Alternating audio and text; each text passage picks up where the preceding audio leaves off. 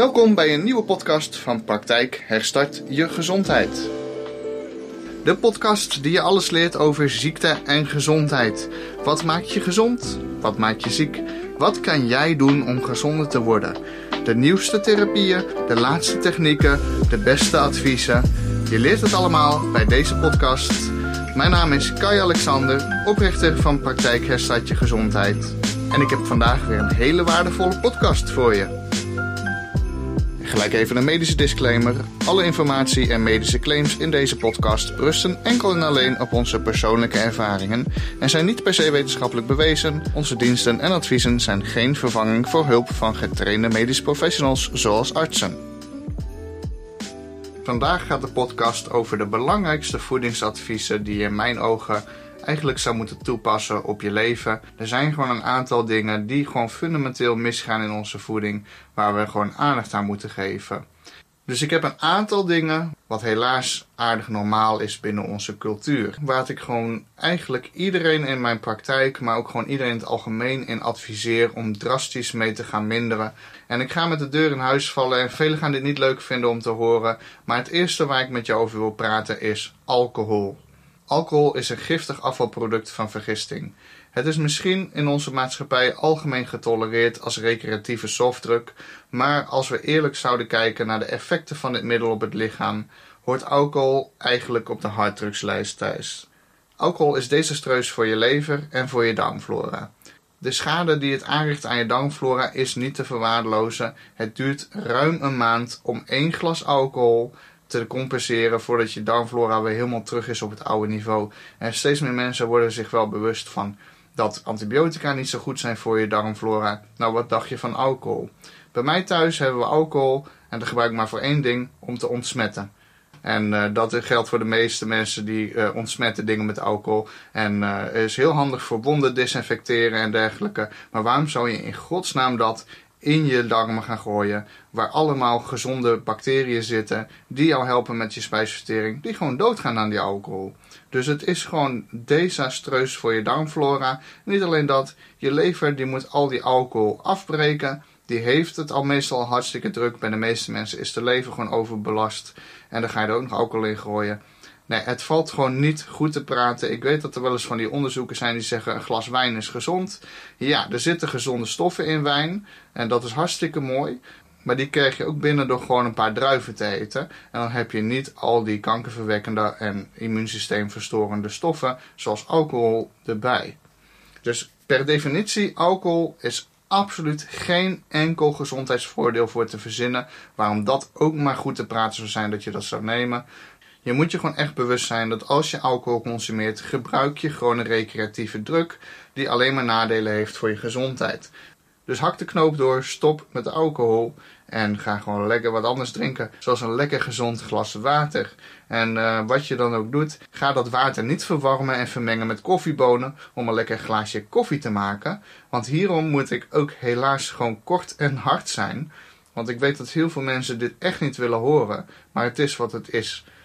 Koffie bevat cafeïne. En cafeïne is gewoon een softdruk die je stofwisselings- en hormoonstelsel enorm manipuleert. Cafeïne zorgt er onder andere voor dat je hoge pieken van het stresshormoon cortisol aanmaakt, die een diepe genezende slaap tot 36 uur lang na inname verstoort. De halfwaardetijd van cafeïne is 4 uur. Dus 8 uur na inname van cafeïne heb je nog steeds 25% van de cafeïne in je bloed. 12 uur na inname heb je nog 12,5% in je bloed en ga zo door. Dus om ongeveer te zeggen, hoe lang duurt het als je één kop koffie drinkt voordat het geen invloed meer heeft op je slaap? Dat duurt 36 uur. Dus mensen die elke dag koffie drinken, hebben altijd cafeïne in hun bloed. Die hebben altijd cafeïne in hun bloed die een kwalitatieve, geneeskrachtige slaap verstoort. En dan zeggen ze, maar ik slaap prima. Ja, wat denk je? Ze denken dat ze goed slapen, want ze slapen. Maar hoe goed ze slapen, hoe diep en hoe geneeskrachtig, dat wordt beïnvloed door hele andere factoren en niet doordat jij denkt dat je slaapt. Nee, dat hangt van hele andere factoren af. En het is gewoon wetenschappelijk aangetoond dat hoe meer cafeïne je in je bloed hebt, hoe kwetsbaarder en hoe zwaardelozer eigenlijk die slaapkwaliteit is. Dus als je elke dag cafeïne drinkt, of dat van zwarte thee, of van koffie, of van cola is, maakt niet uit Cafeïne is gewoon een druk wat gewoon je centraal zenuwstelsel helemaal stimuleert en activeert. En dat is heel leuk voor een betere concentratie als je even een keer een toets op school moet maken. Of als je een keer gewoon een hele avond een verjaardag hebt en je denkt, man, ik voel me toch zo moe. Neem dan een kopje koffie, dan ben je even wat fitter. Maar wees je bewust van de prijs die je betaalt. En de prijs is dat je gewoon 1, 2 dagen slaapkwaliteit inlevert en een stukje daarmee ook je gezondheid inlevert. En drink je elke dag koffie, dan is dus eigenlijk je slaap nooit zo goed als het zou kunnen zijn. Dan ben je altijd je systeem aan het opjutten. En je bent daarmee eigenlijk ook diabetes in de hand aan het werken. Want koffie zorgt er ook voor dat je meer insuline produceert, zodat je stofwisseling tijdelijk versnelt. En de meeste mensen gooien er ook nog suiker in de koffie uh, of uh, gaan er nog wat bij eten. Dus het is sowieso. En ook als je gewoon kijkt naar cafeïne op zich, dat is een calorieloze substantie. Maar als je het neemt, krijg je meer energie. Want wat gebeurt er als je cafeïne neemt? Alle energiereserves worden aangesproken. Er worden hormonen aangemaakt die allemaal energiereserves uit cellen en uit je lever en uit reserves trekken. En die zeggen, nou moeten we het doen, vecht en vluchten. En het nadeel is dat even later is dat natuurlijk op en dan komt er een dip.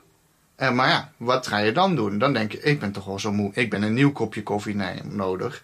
En dan een paar uur later ga je nog een kopje koffie drinken. Dus je hebt net s ochtends vroeg met je eerste kopje koffie al je reserves heb je echt depleted, heb je gewoon eh, uitgeput. Ga je er nog een keer overheen. En zo verwaarloos je je hele systeem en put je gewoon je energiereserves verder uit. En zoals ik al zeg, je bent gewoon 36 uur verder eigenlijk voordat dat kopje koffie helemaal uit je systeem is. Dus als je elke dag koffie drinkt, dan worden jouw energiereserves nooit voldoende aangevuld. Nooit komt je lichaam weer even op adem. Dus accepteer gewoon, cafeïne is gewoon een vorm van softdrug. En als je elke dag maar weer, elke dag maar weer op regelmatige tijden die softdrug neemt, komt je systeem nooit tot rust. En het is dan misschien wel sociaal geaccepteerd, want we vinden het natuurlijk allemaal hartstikke lekker om die high van koffie te hebben, om die energieboost van koffie te hebben. We vinden het hartstikke lekker Koffie smaakt eigenlijk helemaal niet lekker, maar ja, dat is natuurlijk gewoon geconditioneerd.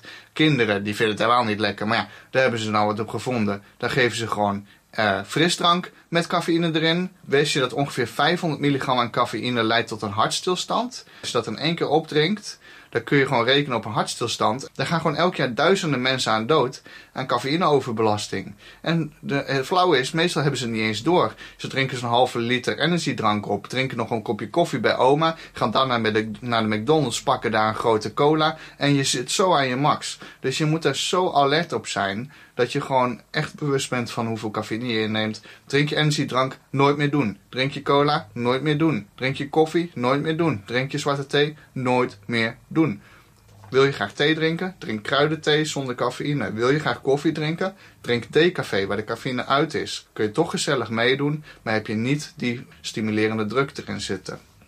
Ik moet er gewoon hard over zijn. Wie dagelijks koffie drinkt, die ontregelt gewoon de basis van zijn energie en zijn hormonale systeem en dus zijn gezondheid. Punt. Einde discussie. En ik weet het, er zijn onderzoeken die zeggen ja, maar koffie is gezond. Maar geloof me, de cafeïne is er niet één van. Dus drink bewust.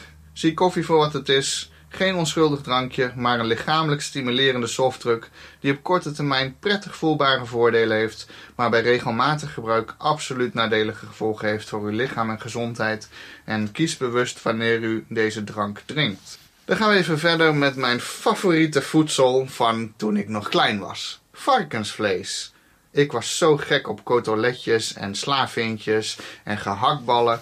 Oh, ik kon er niet genoeg van krijgen. Ik zat ook vol met pukkels en was altijd moe en voelde me niet lekker. En uh, wist eigenlijk niet dat varkensvlees hier ook een rol in speelde. Want varkensvlees zijn om twee belangrijke redenen. Er zijn twee belangrijke redenen om varkensvlees te vermijden. Ten eerste vertoont varkenseiwit genetisch gezien veel te veel overeenkomsten met eiwitten van de mens. Dit werkt verwarrend voor het immuunsysteem en wekt daarmee laaggradige ontstekingsreacties in de hand. Ik weet niet of je er wel eens van hebt gehoord, maar het is mogelijk om een hart van een varken in een mens te zetten. Met wat ondersteuning van anti-afstotende medicijnen werkt dat gewoon. Dus genetisch gezien liggen wij zo dicht bij een varken dat het mogelijk is om weefsels van die varken in mensen te zetten. Het nadeel is alleen, als jij varkensvlees eet, dan is dat eigenlijk ook een klein beetje te zien als een vorm van cannibalisme. Wij weten als wij mensen eten, als mens zijnde, is dat heel slecht voor ons. Daar word je doodziek van. Nou ja, de meeste mensen weten dat niet, want die hebben dat gelukkig nog nooit geprobeerd. Maar in landen waar ze dat wel doen, waar cannibalisme wel uh, voorkomt, weten ze, je moet als je een mens gaat eten, moet je hem super, super, super lang koken, dat het vlees helemaal kapot is gekookt. Want als je rauw mensenvlees eet of niet goed gekookt mensenvlees eet als mens zijn, dan word je daar super ziek van. En dat komt omdat het immuunsysteem die uh, gaat al die eiwitten verteren, maar die denkt, hé, hey, dit zijn toch dit zijn lichaams eigen eiwitten, dit is menselijk DNA. Uh, dit moet ik niet gaan, gaan opnemen. Dus die eiwitten die worden verteerd door de darm, komen in de bloedstroom. Vervolgens raakt de witte bloedcellen, je immuunsysteem en uh, je voedingssysteem van je cellen raakt helemaal in de war. Omdat dat gewoon lichaams-eigen eiwitten zijn. En die zou je niet moeten opnemen. Die moet je niet verteren. Die moet je niet afbreken. Dus het hele systeem, het hele lichaam raakt daarvan in de war. Daarom eten we ook geen mensenvlees. Uh, los van natuurlijk de morele redenen zou het ook absoluut niet gezond zijn. Maar een varken lijkt dus genetisch zo erg op de mens dat dat ook dus die verwarring bij het immuunsysteem en lichaam heel erg kan uitlokken. En waardoor dus eigenlijk varkensvlees ontstekingsreacties in de hand wekt. Omdat uh, als je die varkenseiwitten in je lichaam krijgt, denkt het lichaam van hé, hey, dit, dit lijkt heel erg op menselijk DNA, wat moet ik ermee? En die wil dat dus gaan aanvallen of gaan opruimen of wat het dan ook doet als een normaal DNA of wat het zeg maar normaal doet als er menselijk eiwit in de bloedstroom uh, zit waar het niet hoort. Die gaat dat niet uh, verteren op de normale manier. Die ziet dat als iets wat opgeruimd moet worden. En, daardoor krijg, zie je vaak dat mensen die veel varkensvlees eten hebben heel vaak last van eczeem, van pukkels, van overgewicht. Omdat het geslagen wordt, die vetten en die eiwitten. Die uh, merken gewoon dat ze daar hartstikke vermoeid van worden. Ik heb het uh, zelf ook ervaren met al mijn mensen in mijn omgeving. Als ik zeg van nou stop met varkensvlees. En ze komen een paar maanden later, zie ik ze weer zeggen. Ik voel me zoveel beter erbij. En ze zeggen ook van, ja, nu merk ik pas echt wat het met me doet. En zo is het ook. Als je zeg maar een paar weken geen varkensvlees eet en je gaat dan een keer een avond gewoon even een lekkere bak met spareribs weglopen kouwen. Pas dan ervaar je hoe slecht het eigenlijk voor je is en hoe waardeloos je je de volgende dag dan voelt. Hoe moe, hoe traag, hoe ellendig, hoe brak alsof je gewoon een kater hebt. Maar als je regelmatig varkensvlees eet, valt je dat gewoon totaal niet op. Dus beetje bij beetje, al mijn vrienden, familie, ben ik aan het overhalen en krijg ik zover dat ze daarmee stoppen. En uh, een ander probleem is dus, het zijn niet alleen die eiwitten, het is ook varkensvet. Het vet gedraagt zich namelijk totaal anders in onze bloedstroom dan het vet van andere dieren. Het vet blijft in plaats van enkele uren tot wel 15 uur in onze bloedstroom. Dus eet je een kippetje of een visje en dat vet komt in je bloedstroom, is dat gewoon na een paar uur opgenomen en verteerd. Maar varkensvet niet. Dat blijft gewoon 15 uur lang in je bloed gewoon meetbaar. En wederom, dat komt dus doordat het genetisch gezien te dicht bij de mens komt. En het lichaam weet gewoon niet goed wat het daarmee moet. En zo hindert het de zuurstofopname van de cellen, want dat varkensvet dat verstikt eigenlijk een beetje de cellen. Je kunt het ook zo zien dat het een soort van laagje om de receptoren van de insuline uh, legt. Dus je hebt zeg maar de cellen die hebben insulinereceptoren en insuline is het hormoon wat tegen de cel zegt neem voeding op. Neem glucose op en zet dat om naar energie. Als mensen diabetes hebben, dan hebben ze dus een probleem met die insuline. Of ze maken te weinig of ze nemen het niet goed op. Als je diabetes type 1 hebt, dan maak je te weinig insuline. Heb je diabetes type 2, dan neem je het niet goed op. En dat heeft dus ook alles te maken met dat je de insulinereceptoren met een laagje van vet voorziet. Dat heeft er dus vooral mee te maken aan de ene kant dat mensen gewoon veel te veel koolhydraten eten. Waardoor er zoveel insuline jaren na jaren na jaren wordt geproduceerd. Waar op een gegeven moment die receptoren zeggen, ik luister niet meer, zoek het uit. Moet ik alweer uh, koolhydraten gaan opnemen? Ik uh, negeer het gewoon. Maar het heeft dus ook mee te maken dat de insulinereceptoren minder goed kunnen werken omdat er een laagje vet overheen komt te liggen. En met name varkensvet is daar een hele grote aanjager van. Die verstikt eigenlijk die receptoren waardoor ze de insulinehormonen niet goed kunnen opnemen. Waardoor de bloedsuiker niet goed wordt opgenomen, waardoor je hoge bloedsuikerspiegels hebt. En dat uh, staat dus bekend als diabetes type 2. Dus uh, ook regelmatig eten van varkensvlees werkt diabetes type 2 in de hand. Dus uh, nou, als je nog niet uh, genoeg overtuigd was, dan hoop ik dat je het nu bent. Dus kies gewoon voor andere vleesproducten. Ik ben absoluut niet tegen dierlijke producten. Zolang ze maar gewoon biologisch zijn en van gelukkige dieren zijn die een goed leven hebben gehad. En ben jij een vegetariër en raak ik nou een verkeerde snaar, mijn excuses. Ik bedoel, eh, je kunt het natuurlijk gewoon doen omdat je gewoon de levens van de dieren wil redden. Ben ik het helemaal met je eens. Ik vind het gewoon hartstikke belangrijk dat wij aan het welzijn van de dieren denken. Zolang het gewoon maar gewoon een eerlijk stukje vlees is. En uh, kies voor, uh, voor kip, voor geit, voor konijn, voor schaap, voor rund. Geen varkens dus. Uh, en, het liefst voor kip, dat is het meest schone vlees eigenlijk wat je kan eten. En vis is ook gewoon een uh, hele goede bron van eiwitten en van gezonde vetten. Dus hoe meer ze genetisch van ons verschillen, zoals gevogelte, kippen, kalkoenen en vissen, hoe beter het is eigenlijk voor ons om te consumeren. En hoe minder dat botst met eventuele overeenkomsten met ons eigen DNA, waardoor het immuunsysteem te veel in de war raakt. En tot slot wil ik deze podcast met jou gaan afsluiten over melkproducten. En ik weet het, we zijn opgevoed dat melk gezond is en melk is goed voor elk. En al dat soort uh, reclamekreten die absoluut niet zijn gebaseerd op wetenschappelijke werkelijkheid.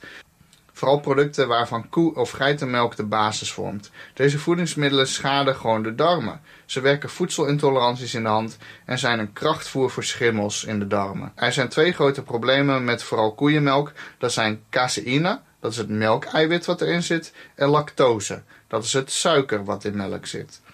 In melk van zoogdieren, zoals mensen en koeien, zit voornamelijk twee verschillende eiwitten: wei-eiwit en caseïne-eiwit. Beide zijn nodig in het lichaam. Caseïne lost slecht op in water, waardoor het langer duurt voordat het verteerd is. Mensenmelk bevat 60% wei-eiwit en 40% caseïne-eiwit. Koemelk bevat slechts 20% wei-eiwit en 80% caseïne-eiwit.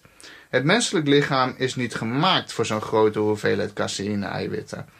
Beta-caseïne A1 is een bepaald type caseïne dat veel voorkomt in koemelk dit type wordt bovendien in verband gebracht met koemelkintolerantie, hartziekte, aderverkalking, diabetes type 1, bepaalde soorten kanker, schizofrenie, autisme, allergieën en de ziekte van Crohn.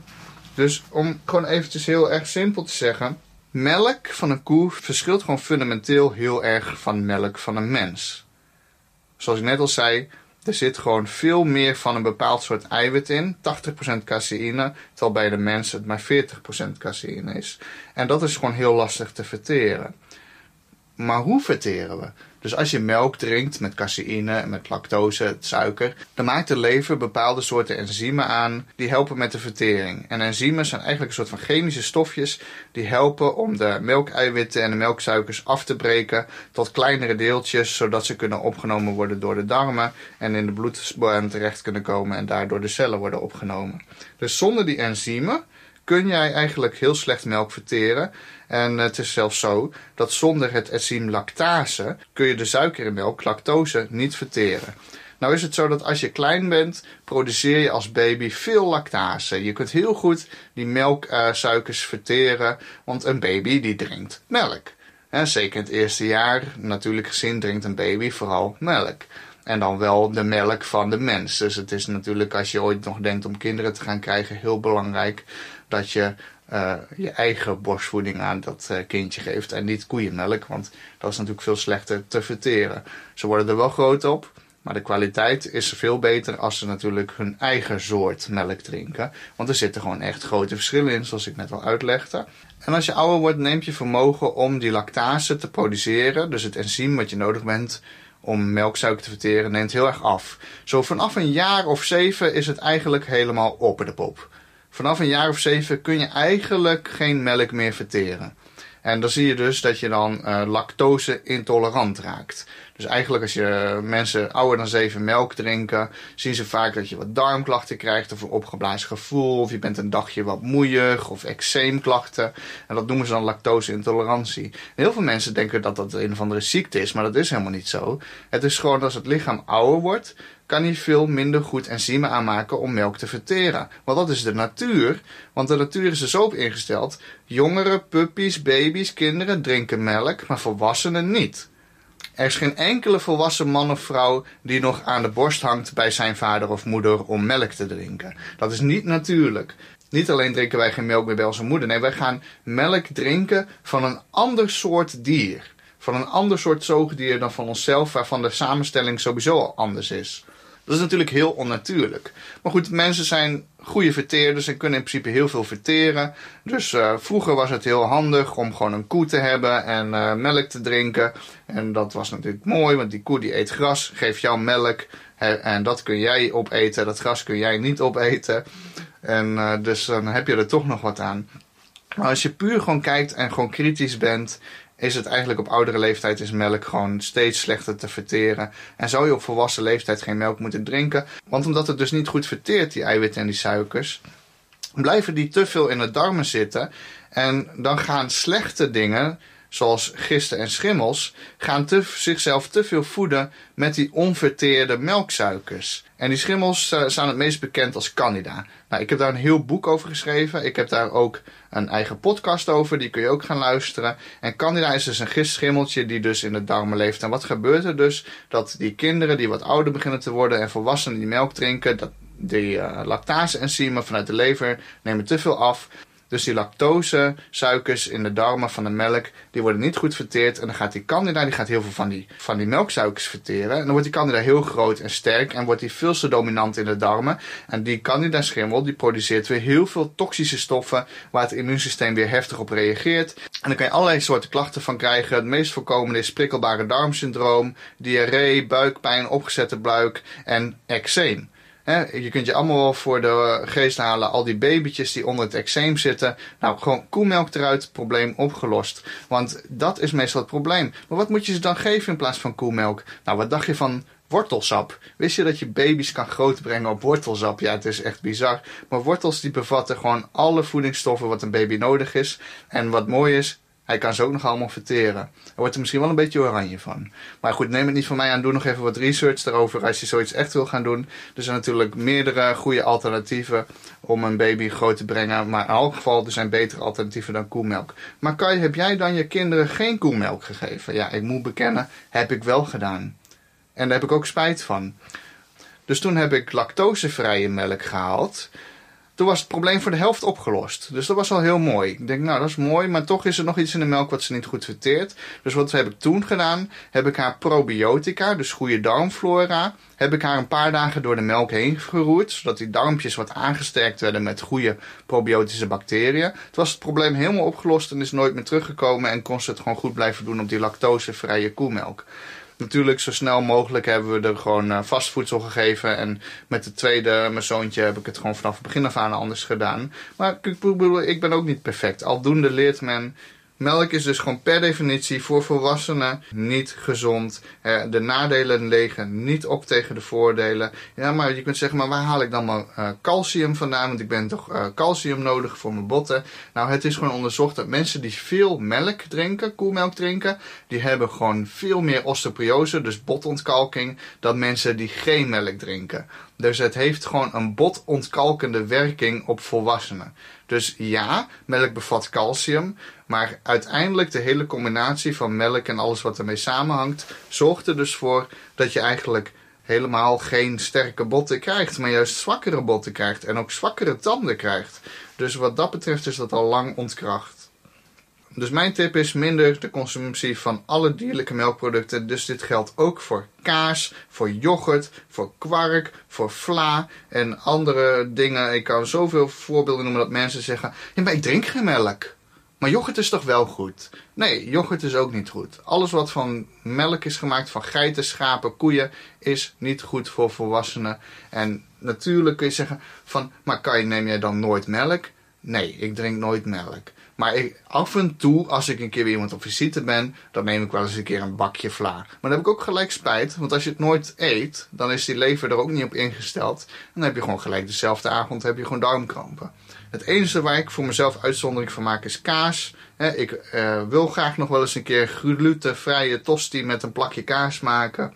Uh, maar uh, dat is misschien één of twee keer in de week. En voor de rest uh, misschien een keer over de glutenvrije pasta. De rijstepasta, dat ik daar een klein beetje kaas overheen doe. Maar voor de rest vermijd ik zoveel mogelijk de dierlijke melkproducten. En zeker de vloeibare dierlijke melkproducten. Zoals kwark, yoghurtmelk enzovoort. En ga je hiermee stoppen, dan zul je gewoon merken dat je darmen daar enorm blij van wordt. Dat eczeemklachten vermindert. Dat migraineklachten vermindert.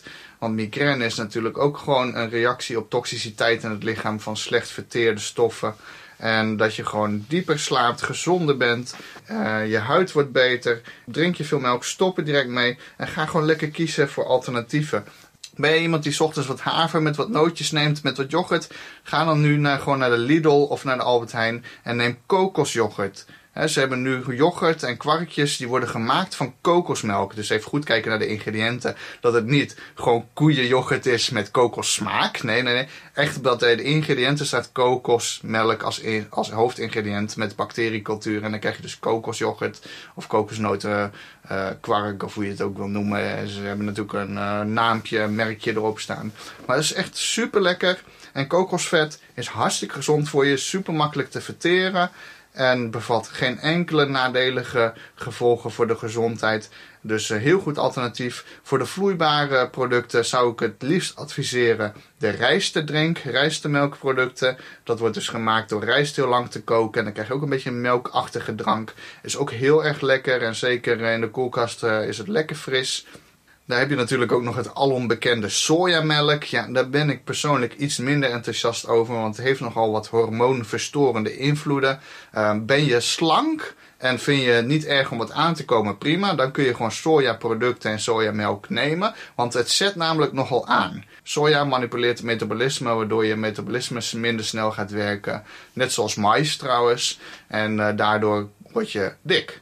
En uh, nou ja, goed, ik ben al iemand die heel makkelijk aankomt en eigenlijk al zijn hele leven met wat overgewicht zit. En uh, ja, dat heb ik allemaal wel geaccepteerd. Ik bedoel, het is wat het is. Uh, maar ik weet wel dat ik bepaalde dingen, kan ik dan maar beter vermijden. Dus dingen die snel aanzetten, zoals soja en mais, ja, dat zie je mij niet consumeren. En dat zou ik zeker ook uh, in acht nemen. Er zijn meer redenen waarom je beter geen soja zou kunnen consumeren. Maar daar zal ik nu niet verder te diep op ingaan. Het is gewoon veel beter om te kiezen voor amandelmelk, rijstemelk. En dus voor de kwark- en yoghurtproducten heb je dus tegenwoordig bij de Albert Heijn en zelfs bij de Lidl uh, alternatieven die gemaakt zijn van kokosmelk. En dat is gewoon een veel betere keuze. Heb je nou nog vragen en denk je van nou ik weet niet hoe het precies uh, zit en uh, is dit een goed alternatief? Mail gerust en dan zal ik je erover adviseren. Dus de belangrijkste voedingsadviezen van Kai Alexander nog eventjes op een rijtje. Het is dus belangrijk om te minderen met alcohol, omdat het je darmflora omlaag haalt en de lever vergiftigt. Het is belangrijk om te minderen met cafeïne, het zijn cola, koffie, zwarte thee, omdat het je gehele spijsverteringssysteem compleet in de war gooit, je hormonale systeem compleet in de war gooit, je slaapkwaliteit compleet in de war gooit. Dus ook heel belangrijk mee te stoppen. En het is ook heel belangrijk om te stoppen met varkensvlees, want het wekt ontstekingen op. Het ligt te dicht bij ons genetisch materiaal, waardoor het gewoon nadelig is. Het vet blijft te lang in het bloed, wekt diabetes 2 in de hand en het zet aan. En melkproducten zijn dus ook helemaal niet gezond, omdat melkproducten op latere leeftijd gewoon niet goed verteerd kunnen worden door de mensen. Is het gewoon heel belangrijk om dat niet meer te consumeren nadat je 7 jaar oud bent. En als je kinderen hebt, goed over na te denken wat voor soort melk geef ik ze. Op zijn minst lactosevrije melk, maar het liefst natuurlijk gewoon helemaal niet. En gewoon lekker andere alternatieven. En als je denkt nogmaals van, uh, maar ik uh, wil toch sterke botten. Uh, een koe heeft hele sterke botten en een koe drinkt nooit melk. Alleen kalven drinken melk, koeien eten gras. Dus wil je sterke botten, misschien moet je gras eten. Nee, grapje, je moet natuurlijk geen gras eten. Maar ik bedoel maar om te zeggen, de sterkste, grootste dieren, zoals koeien, zoals nijlpaarden, zoals olifanten, die eten nooit vlees, drinken nooit melk. Wat ze doen is ze eten alleen planten en ze drinken alleen water. En die hebben hartstikke stevige, sterke botten. Dus geloof me, alle mineralen die je nodig bent, die haal je gewoon uit plantaardig voedsel. Daar hoef je echt geen dierlijke producten of melkproducten voor te consumeren. Dat is gewoon verzonden door de melkleveranciers die daardoor dachten, als we gewoon zeggen melk is goed en voor, goed voor je botten, dan verkopen we meer melk. Mag tegenwoordig ook niet meer gezegd worden in de reclame op televisie. Mogen ze wettelijk niet meer zeggen dat melk gezond is of goed is voor je botten. Mag niet meer gezegd worden. Het is gewoon verboden omdat het gewoon niet waar is. En zeker iedereen die gevoelige darmen heeft, moet melk vermijden. En daar wil ik nog even een heel klein tipje over geven. Over het laatste puntje. Wat ik eigenlijk ja, een beetje vervelend vind om over te beginnen. Maar je ziet wel dat het aardige hype aan het worden is. Omdat mensen gewoon merken dat het echt een verschil voor hun gezondheid maakt. En dat zijn gluten. Je hebt er misschien wel eens van gehoord dat tarwe, dus waar we ons brood van maken, die bevatten bepaalde eiwitten. En dat noemen ze gluten. Gluten zijn de eiwitten uit tarwe. En die zijn heel erg lastig te verteren. En ze zijn ook beschadigend voor onze darmen. Dus omdat ze heel erg grof zijn en scherpe randjes hebben, uh, beschadigen ze de darmen een beetje. Maar ook uh, de eiwittencombinatie in gluten zijn niet heel erg gezonde eiwitten voor ons. Uh, dus wat je gewoon eigenlijk wil, is gewoon meer gaan variëren. Het is gewoon heel belangrijk om te zeggen van, goh, wat kan ik nou anders eten dan altijd maar broodproducten en tarweproducten? Ik heb dat zelf ook heel erg moeten leren. Want ik op een gegeven moment dacht ik van, nou, iedereen over die gluten. Ik dacht vijf, zes jaar geleden, nou, ga ik ook gewoon proberen. Ik ga ook gewoon glutenvrij. En uh, nou ja, dan moet je gaan uitzoeken, ja, wat dan? Wat moet je dan eten als je geen tarwe eet? Want ik was ook gewoon een broodeter. Dus ja, dan moet je kijken van alternatieven. Zoals rijsteproducten en haverproducten. Nou, de hele tijd heb ik gewoon havermout gegeten. En met rijstemelk, hartstikke lekker. Wat nootjes of rozijnen er doorheen. En wat ik ook veel eet zijn uh, glutenvrije crackers. Die ze maken van rijstemeel of quinoa. Kun je gewoon bij de biologische winkel kun je allerlei verschillende soorten glutenvrije crackers kopen. Nou, kun je beleggen zoals je wil. Ook hartstikke lekker.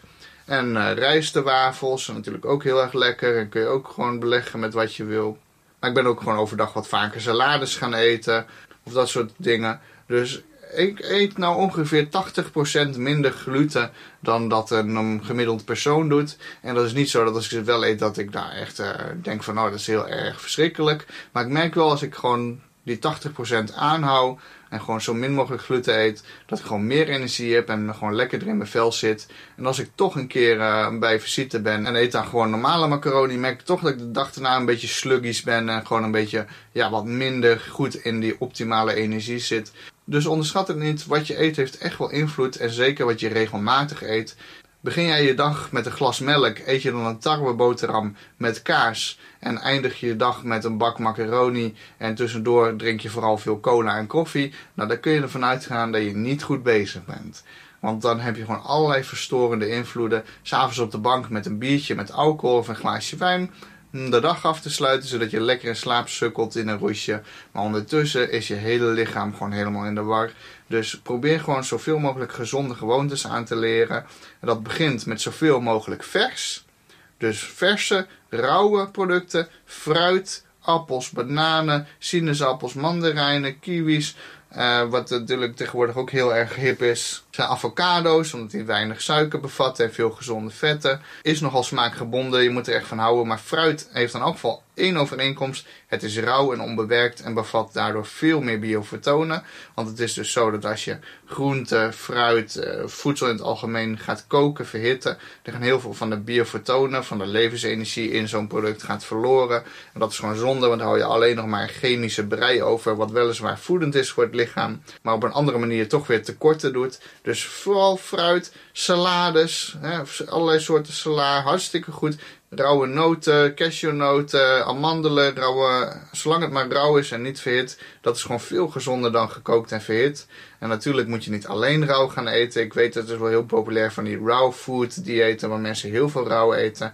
Dat weet ik, dat is ook wel gezond, maar dat is gewoon praktisch onmogelijk vol te houden in deze moderne wereld. Geloof me, ik heb het meerdere malen geprobeerd. En uh, waar je ook gaat en staat, uh, is het gewoon uh, niet te doen om alleen maar rauw te eten. Dat is net zoals met dat ketogene dieet, waarin mensen alleen maar eiwitten gaan eten en alle koolhydraten gaan vermijden. Hartstikke leuk en het zal misschien werken voor, uh, voor diegene die het fijn vindt. Maar als je gewoon, zoals mij, een heel sociaal leven hebt, overal en nergens komt en ook regelmatig uit eten gaat, dan is het gewoon niet te doen om een heel speciaal dieet te gaan doen. Maar het gaat, wat ik zeg, om de gezonde gewoontes. Minder gewoon 75% met melkproducten. Minder gewoon 75% met gluten. Minder 75% met koffie en cafeïnehoudende producten. Minder 75% met producten die vol met suiker zitten. En ga gewoon op zoek naar alternatieven. Leer andere producten waarderen. Ga gewoon experimenteren en leer gewoon wat jij lekker vindt. En het is helemaal niet erg als je wel een keer een toetje eet of als je wel een keer macaroni of als je wel een keer een boterham eet, geeft helemaal niks. Het gaat uiteindelijk om de hoeveelheden, dus ook niet te streng zijn voor jezelf. Maar leer gewoon ook dat er meer is en dat er gewoon dingen zijn die beter zijn voor jou. En geniet daarvan. Geniet van die voordelen die het geeft voor jouw gezondheid. Door gewoon te kiezen van ik kies voor gezondere dingen. En misschien kost het een beetje meer, maar dat is het gewoon waard. Kies voor biologische dingen. En dat heeft verschillende redenen. Niet alleen heeft biologisch gewoon wat meer vitamines en mineralen, omdat het met minder kunstmest is grootgebracht en meer natuurlijke mineralen opneemt uit de bodem. Ook bevat het gewoon letterlijk meer biofotonen, wat gewoon gezonder is voor je. Wat gewoon ja, ook een soort van voeding is voor je cellen. Het gaat niet alleen om de hoeveelheid eiwitten, mineralen, vitamines. Het gaat ook om de levensenergie in zo'n product. En die is veel hoger bij biologische voeding. En het blijft gewoon ook nog heel hoog als je het zo min mogelijk verhit. In plaats van dat je een broccoli helemaal kapot kookt, ga het gewoon eventjes, eventjes vijf minuutjes koken. Dat hij nog lekker een beetje knapperig is. Maar dan is het gewoon nog veel gezonder voor je. En zo zijn er allerlei tips en trucs ook van hoe je voeding kan bereiden. dus eh, je kunt zo'n stoompan kopen waardoor je groenten kan stomen. Dat is weer beter dan het bakken. Met, uh, met bakken van vlees ook. Ga je dat helemaal kapot bakken, waardoor er helemaal zwarte randjes aan komen. Super kankerverwekkend. Geldt ook voor aardappels. Weet je, je moet ook weten hoe bereid je voedsel dat je niet van een gezond product een één keer een ziekmakend product maakt. En natuurlijk zijn de technieken die je gebruikt belangrijk. Dus geen elektrische kookplaten, geen magnetrons. Uh, en, maar ook is het belangrijk om dus te zorgen dat je gewoon producten niet te veel overveert. Net zoals met dat frituren. Uh, zonnebloemolie, waar we over het algemeen in frituren, is helemaal geen goed vet om in te frituren. Want het heeft een veel lager oxidatiepunt. En bij 180 graden verandert gewoon die moleculaire structuur van die vetten, van die omega-3 en omega-6 vetten die erin zitten, verandert gewoon naar ziekmakend vet wil je verantwoord frituren, omdat je af en toe een keer wat frietjes wil bakken, dan pak je gewoon een aardappel, dan ga je die met zo'n frietmachine in frietvorm doen en dan ga je dat bakken in kokosolie of in rijsteolie. Want kokos- en rijsteolie heeft een heel hoog hittepunt en dat verandert dus niet van moleculaire structuur bij verhitting. Net zoals het voeding wat je bakt bak je voeding altijd in kokosolie of in rijsteolie. Maar ga het nooit bakken in olijfolie of in roomboter, want dat verbrandt. En de moleculaire structuur verandert van die oliën en vetten. Als je het te hoog verhit in een pan, verandert gewoon de structuur en wordt het gewoon toxisch, wordt het kankerverwekkend, wordt het ranzig. Olijfolie, fantastisch om over je rauwe salade heen te gooien. Super gezond, uh, maar niet geschikt om in te bakken of om te verhitten. En het allerslechtste wat je kan doen, is zijn nog wel van die margarine producten. Van die, uh, dat je zo'n pak- en braadmargarine hebt in de supermarkt. Weet je, weet je plan uh, margarine ook op brood, super slecht. Uh, kan er wel een labeltje van een hartstichting op zitten. Maar wat is margarine? Margarine zijn plantaardig gehydrolyseerde vetten, zoals ze dat noemen. Nou, wat betekent dat nou eigenlijk, gehydrolyseerde vetten? Nou, wat je dus hebt, je hebt olie, bijvoorbeeld uh, zonnebloemolie. We hebben zonnebloemolie. Uh, dat is een vloeibaar product. En daar zit omega-3 vetten in, omega-6. En uh, dat is op zich heel gezond. Zolang het gewoon niet verhit wordt, is het helemaal prima. Om van zonnebloemolie een boterachtige substanties te maken, dus een, een hard vet in plaats van een vloeibaar vet, ja, dat gaat niet zomaar. Er zijn twee opties. Of je zet het in de vriezer, dan, dan stolt het vanzelf. Maar wil je dat het bij kamertemperatuur hard is, dan moet je die vetten, die moleculaire structuren, volledig gaan slopen. Dus wat ze gaan doen, ze gaan die vetten door een super fijn raster heen persen, die uh, alle moleculen volledig kapot maakt. Dat doen ze trouwens ook om uh, melk te, uh, langer houdbaar te maken, waardoor de melkvetten toxisch worden bij houdbare melk. maar goed, we gaan sowieso geen melk drinken, want dat was al hartstikke ongezond. En al helemaal geen houdbare melk, maar daar gaat het nou niet verder over hebben. Maar dus die vetten moesten dus margarine maken van vloeibare olie een vaste vet te maken. Daarmee worden dus die moleculaire structuren, die verbindingen worden volledig kapot gemaakt van die vetten. En dan krijg je dus iets wat lijkt op boter. Nou ja, doen ze er nog wat smaakstoffen bij en een beetje gele kleurstof. En dan denk je, ja, het lijkt op boter. Ja, dat is gezond voor je. Nou, niet dus, want het lichaam, die kan helemaal niks met die vetten. Die kan niks met die transvetten en die ranzige kapotte vetten. Het is verschrikkelijk en dat slipt gewoon je aderen dicht. Als je bang bent voor cholesterol, stop met consumeren van margarine. Als je bang bent voor het dichtslip van je aderen, stop met consumeren van margarine. Op brood ook, smeer er lekker roomboter op. Dat is veel beter, veel gezonder. Lekker biologische roomboter. Want dat is vrij van lactose. dus wat ik net zei van geen koemelkproducten. Alleen roomboter is nog een excuus. Daar zitten dus geen eiwitten in. Er zitten dus geen lactose, suikers in. Dat is gewoon wel verantwoord. En op zich nog aardig gezond te noemen ook wel. Want de vetten uit melk zijn op zich niet het probleem voor ons. Die zijn uh, goed te verteren. Dus op brood lekker roomboter, veel gezonder, veel lekkerder. Geen margarine. Als je margarine in je koelkast hebt, loop nu naar je koelkast, smijt alles maar weg. Pak een praatmargarine, uh, margarine om taarten mee te bakken of margarine voor brood. Weg met die troep. Hartstikke slecht voor je. Gewoon puur natuur. En uh, per vet pakken zoals het bedoeld is in zijn natuurlijke vorm. Zoals roomboter. En ga je bakken. Dan doe je dat in kokosolie of in rijsteolie. En ga je frituren. Hetzelfde doe je dat in kokosolie of in rijsteolie. En dan heb je gewoon zorgen dat je. Dan krijg je gewoon vetten binnen. Die je lichaam ook daadwerkelijk kan verteren. Zodat het niet alleen maar zorgt dat je dikker wordt en je aderen dicht slipperen. Maar zodat je er ook echt daadwerkelijk energie uit kan halen. Waar je gewoon echt wat aan hebt. En dat is natuurlijk waarvoor je toch eet. Je wil er energie uit halen en dat moet natuurlijk ook lekker zijn, maar je wil voornamelijk energie eruit halen, zodat je dat kan omzetten naar activiteiten, zodat je leuke dingen kan doen in je leven en gewoon je leven kan leven. Nou weet ik niet of het nog nodig is dat we nog eventjes gaan hebben over E-nummers. En dan met name de schadelijkste E-nummers. Zoals aspartaam. ik denk dat toch redelijk de afgelopen tijd bij de meeste mensen er wel in is gezonken. Dat chemische zoetstoffen zoals aspartaam, sucralose, aspartaam K, sorbitol, mantitol en al die chemische zoetstoffen, dat dat geen goed alternatief is.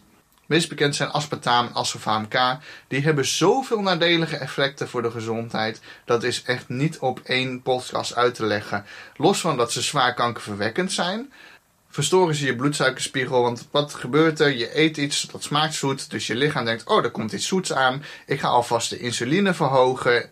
En vervolgens komt er geen suiker, komt er geen zoet in het bloed. Dus die insuline die zegt tegen de cellen: je moet glucose gaan opnemen. Wat doen die cellen? Die gaan dat doen. En in één keer, bam, heb je een enorme lage bloedsuikerspiegel. En vervolgens komt er geen suiker. Wat gebeurt er? Je krijgt enorme honger. Dus je gaat heel veel eten om proberen die energie toch met. Nou, zo kan ik wel doorgaan. Dus wat gebeurt er als je zoetstoffen neemt? Sowieso per definitie zoetstoffen, ook stevia, wat weliswaar niet kankerverwekkend is, maar ook dus ook de bloedsuikerspiegel manipuleert. Je lichaam gaat denken, er komt iets zoets aan. Die maakt dus eh, de hormonen aan om suikers uit het bloed te trekken. En vervolgens komen die suikers niet terug in het bloed, want het was geen echte suiker. Je smaakpapillen zijn voor de gek gehouden. Gefopt. Maar vervolgens krijg je dus een enorme suikerdip. Uh, wat leidt tot uh, duizeligheid, hongerheid, uh, sloomheid. en ook je hersenen zijn er helemaal niet blij mee, want die zijn glucose nodig om goed te functioneren. Dus eigenlijk, wat je ook doet, eigenlijk gewoon helemaal geen zoetstoffen nemen. Ook geen stevia, maar zeker niet de chemische kankerverwekkende zoetstoffen, zoals aspartaam K en aspartaam. Als je toch wat zoetigheid in je biologische theetje wil, pak er gewoon een scheutje honing of wat biologische rietsuiker of zo. Maar uh, geen normale suiker en zeker geen zoetstoffen. En ook alle producten in de winkel met light erop, weg ermee. Sowieso, je kunt gewoon veel beter gewoon lekker natuurlijke producten kopen en lekker zelf maken. En voor, drinken, ik ben nog heel simpel in. Uh, het is heel flauw. Ik drink eigenlijk alleen maar water. En dat is ook gewoon de natuurlijke doslesser. Heb je ooit wel eens een dier in het wild zien rondlopen en, en, zien zoeken naar van heb je misschien een glas ranja voor me of zo? Heb je misschien een uh, colaatje voor me? Nee, natuurlijk niet elk wezen, elk diersoort op aarde en ook de mens van nature drinkt water. Water is gewoon het, de beste doorsletser. Niet alleen voor ons, maar ook voor al onze cellen. Uh, zijn gewoon zuiver schoon water nodig. Wat niet is verontreinigd. Wat niet is vermengd met suiker of met eiwitten. Gewoon schoon water is het allerbeste. Maar Kai, ik vind water helemaal niet lekker. Ik vind water vies. Is wat mensen dan zeggen. Nou, ik vind het heel knap dat je water vies vindt. Want er zit helemaal geen smaak aan. Water is niet vies. Het is gewoon niet per se uh, lekker. Eh, lekker zoals uh, misschien iets wat is gezoet met zoetigheid. Want we zijn zo ingesteld dat onze tong is zo ingesteld. We zijn altijd op zoek naar zoetigheid. van nature is natuurlijk zoetigheid. Fruit is uh, lekker goed voor snelle, makkelijke energie. En als het lichaam iets wil, is het zoveel mogelijk makkelijke energie tot zich nemen en er zo min mogelijk voor doen. Want het lichaam wil graag spaarzaam omgaan met zijn energie. Dus zoetigheid en vettigheid, ja, daar is het lichaam wel gek op. Vanuit zoete en vette dingen ook heel populair zijn. Denk aan een reep chocola of aan uh, kies en snoepjes. Ja, dat vinden we allemaal heel lekker. En qua drinken ook. We willen graag zoetige drinken. Want ja, dat is wat ons lichaam aangeeft dat hij daar heel blij mee is. En onze hersenen zeggen, ja, vinden we lekker. Maar eigenlijk is het helemaal niet natuurlijk en is het gewoon heel slecht voor je. Want die zoetigheid zit in ons, die voorkeur, omdat wij op zoek zijn naar zoetig eten, zoals in de natuur een, stuk fruit. Maar niet zijn wij op zoek naar geperste appelsap of naar ranja waar suiker in zit, of naar cola of frisdrank uh, of andere dranken waar je suiker in gooit. Dat is niet natuurlijk. Die struiken zijn ontdaan van al hun mineralen, zijn niet meer in de natuurlijke vorm, missen heel veel van de vitamines en mineralen die het lichaam helpen beschermen tegen de nadelige effecten van suiker. Dus vanaf dat oogpunt is het dus ook heel onverantwoord om allerlei toegevoegde suikers tot je te nemen en uh, om suikerhoudende drinken te nemen. Zij het van natuurlijke bron zoals sapjes of van uh, niet-natuurlijke bron waarin ze de suikers uh, gaan isoleren en dan in een glas water gooien met wat smaakstofjes. Zoals al die soort uh, dubbel fris en al dat soort spul. Moet je gewoon niet doen. Als je dat lekker vindt, maximaal één glas per dag en voor de rest water. Drink minstens 2 liter water op de dag. Het is uh, misschien nog wel de allerbelangrijkste tip die ik je vandaag kan geven. Is drink 2 liter water. Elke dag weer. En als je het lekker vindt om daarnaast ook nog wat anders te drinken. Oké, drink je ook nog een glas met iets anders. Maar drink dat met mate. De basis van jouw vochtinname moet gewoon water zijn. En het liefst schoon water. Dus of mineraalwater of gefilterd water. Want kraanwater is ook nog niet echt om over naar huis te schrijven. Maar goed, daar zal ik nou niet te veel op ingaan. Want dan denk jij weer van, oh als kraanwater niet goed is, nou dan bak toch maar die dubbel fris. Nou dacht het dus niet. Want dat maken ze ook gewoon van kraanwater. Dus het beste is gewoon kraanwater en nog beter is gefilterd kraanwater natuurlijk.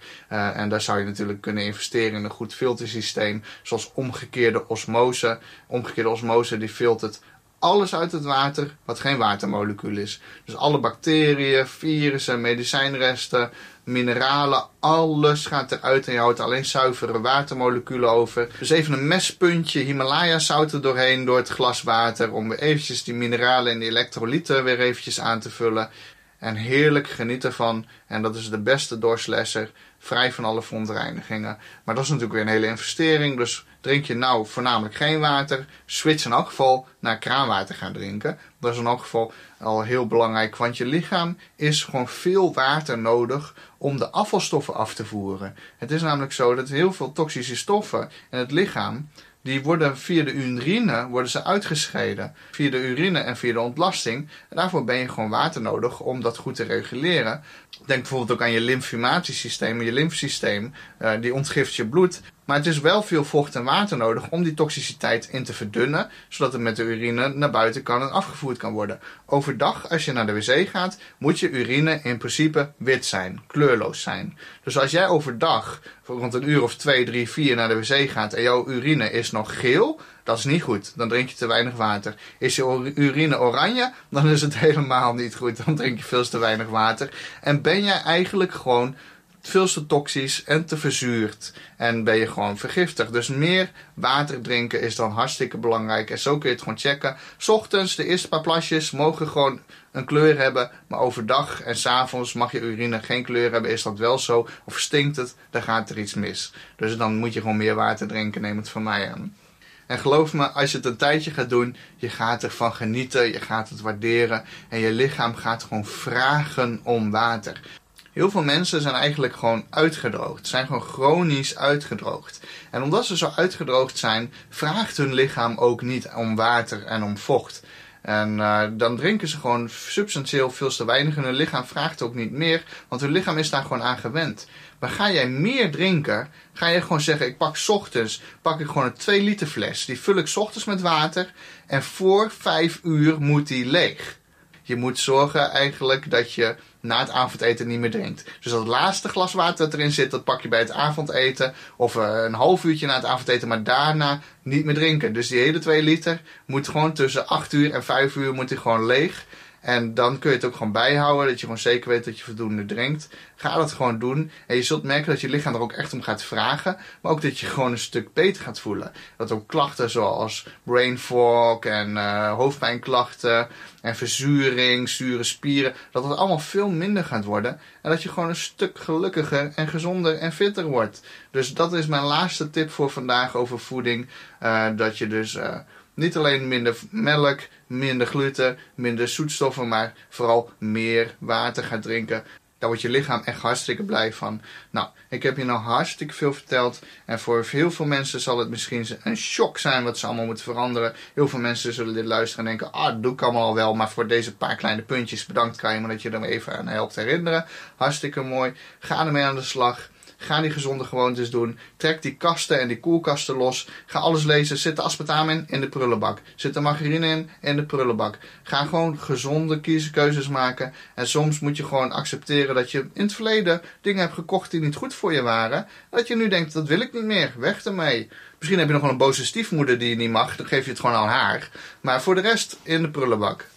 Zo, dus dit was het einde van de podcast over voeding en gezondheid. Uh, zijn er nog twijfels? Heb je nog vragen? Wil je graag een tips- en adviezenbrochure van mij ontvangen? Kom gerust naar mijn praktijk. En heb je gezondheidsklachten? Natuurlijk ben je ook van harte welkom in mijn praktijk. Praktijk Herstart Je Gezondheid. Waar ik werk met fantastische therapieën die het immuunsysteem en zelfgenezend vermogen activeren en stimuleren. En zeker als je ook je leefstijl en voedingsstijl daar wat op aanpast, zul je een veel hogere levenskwaliteit gaan ervaren. Dus voor meer informatie kijk op herstartjegezondheid.nl herstartjegezondheid.nl En wie weet zie ik je nog wel weer in mijn praktijk. En anders in elk geval zie ik je graag weer tijdens een volgende podcast.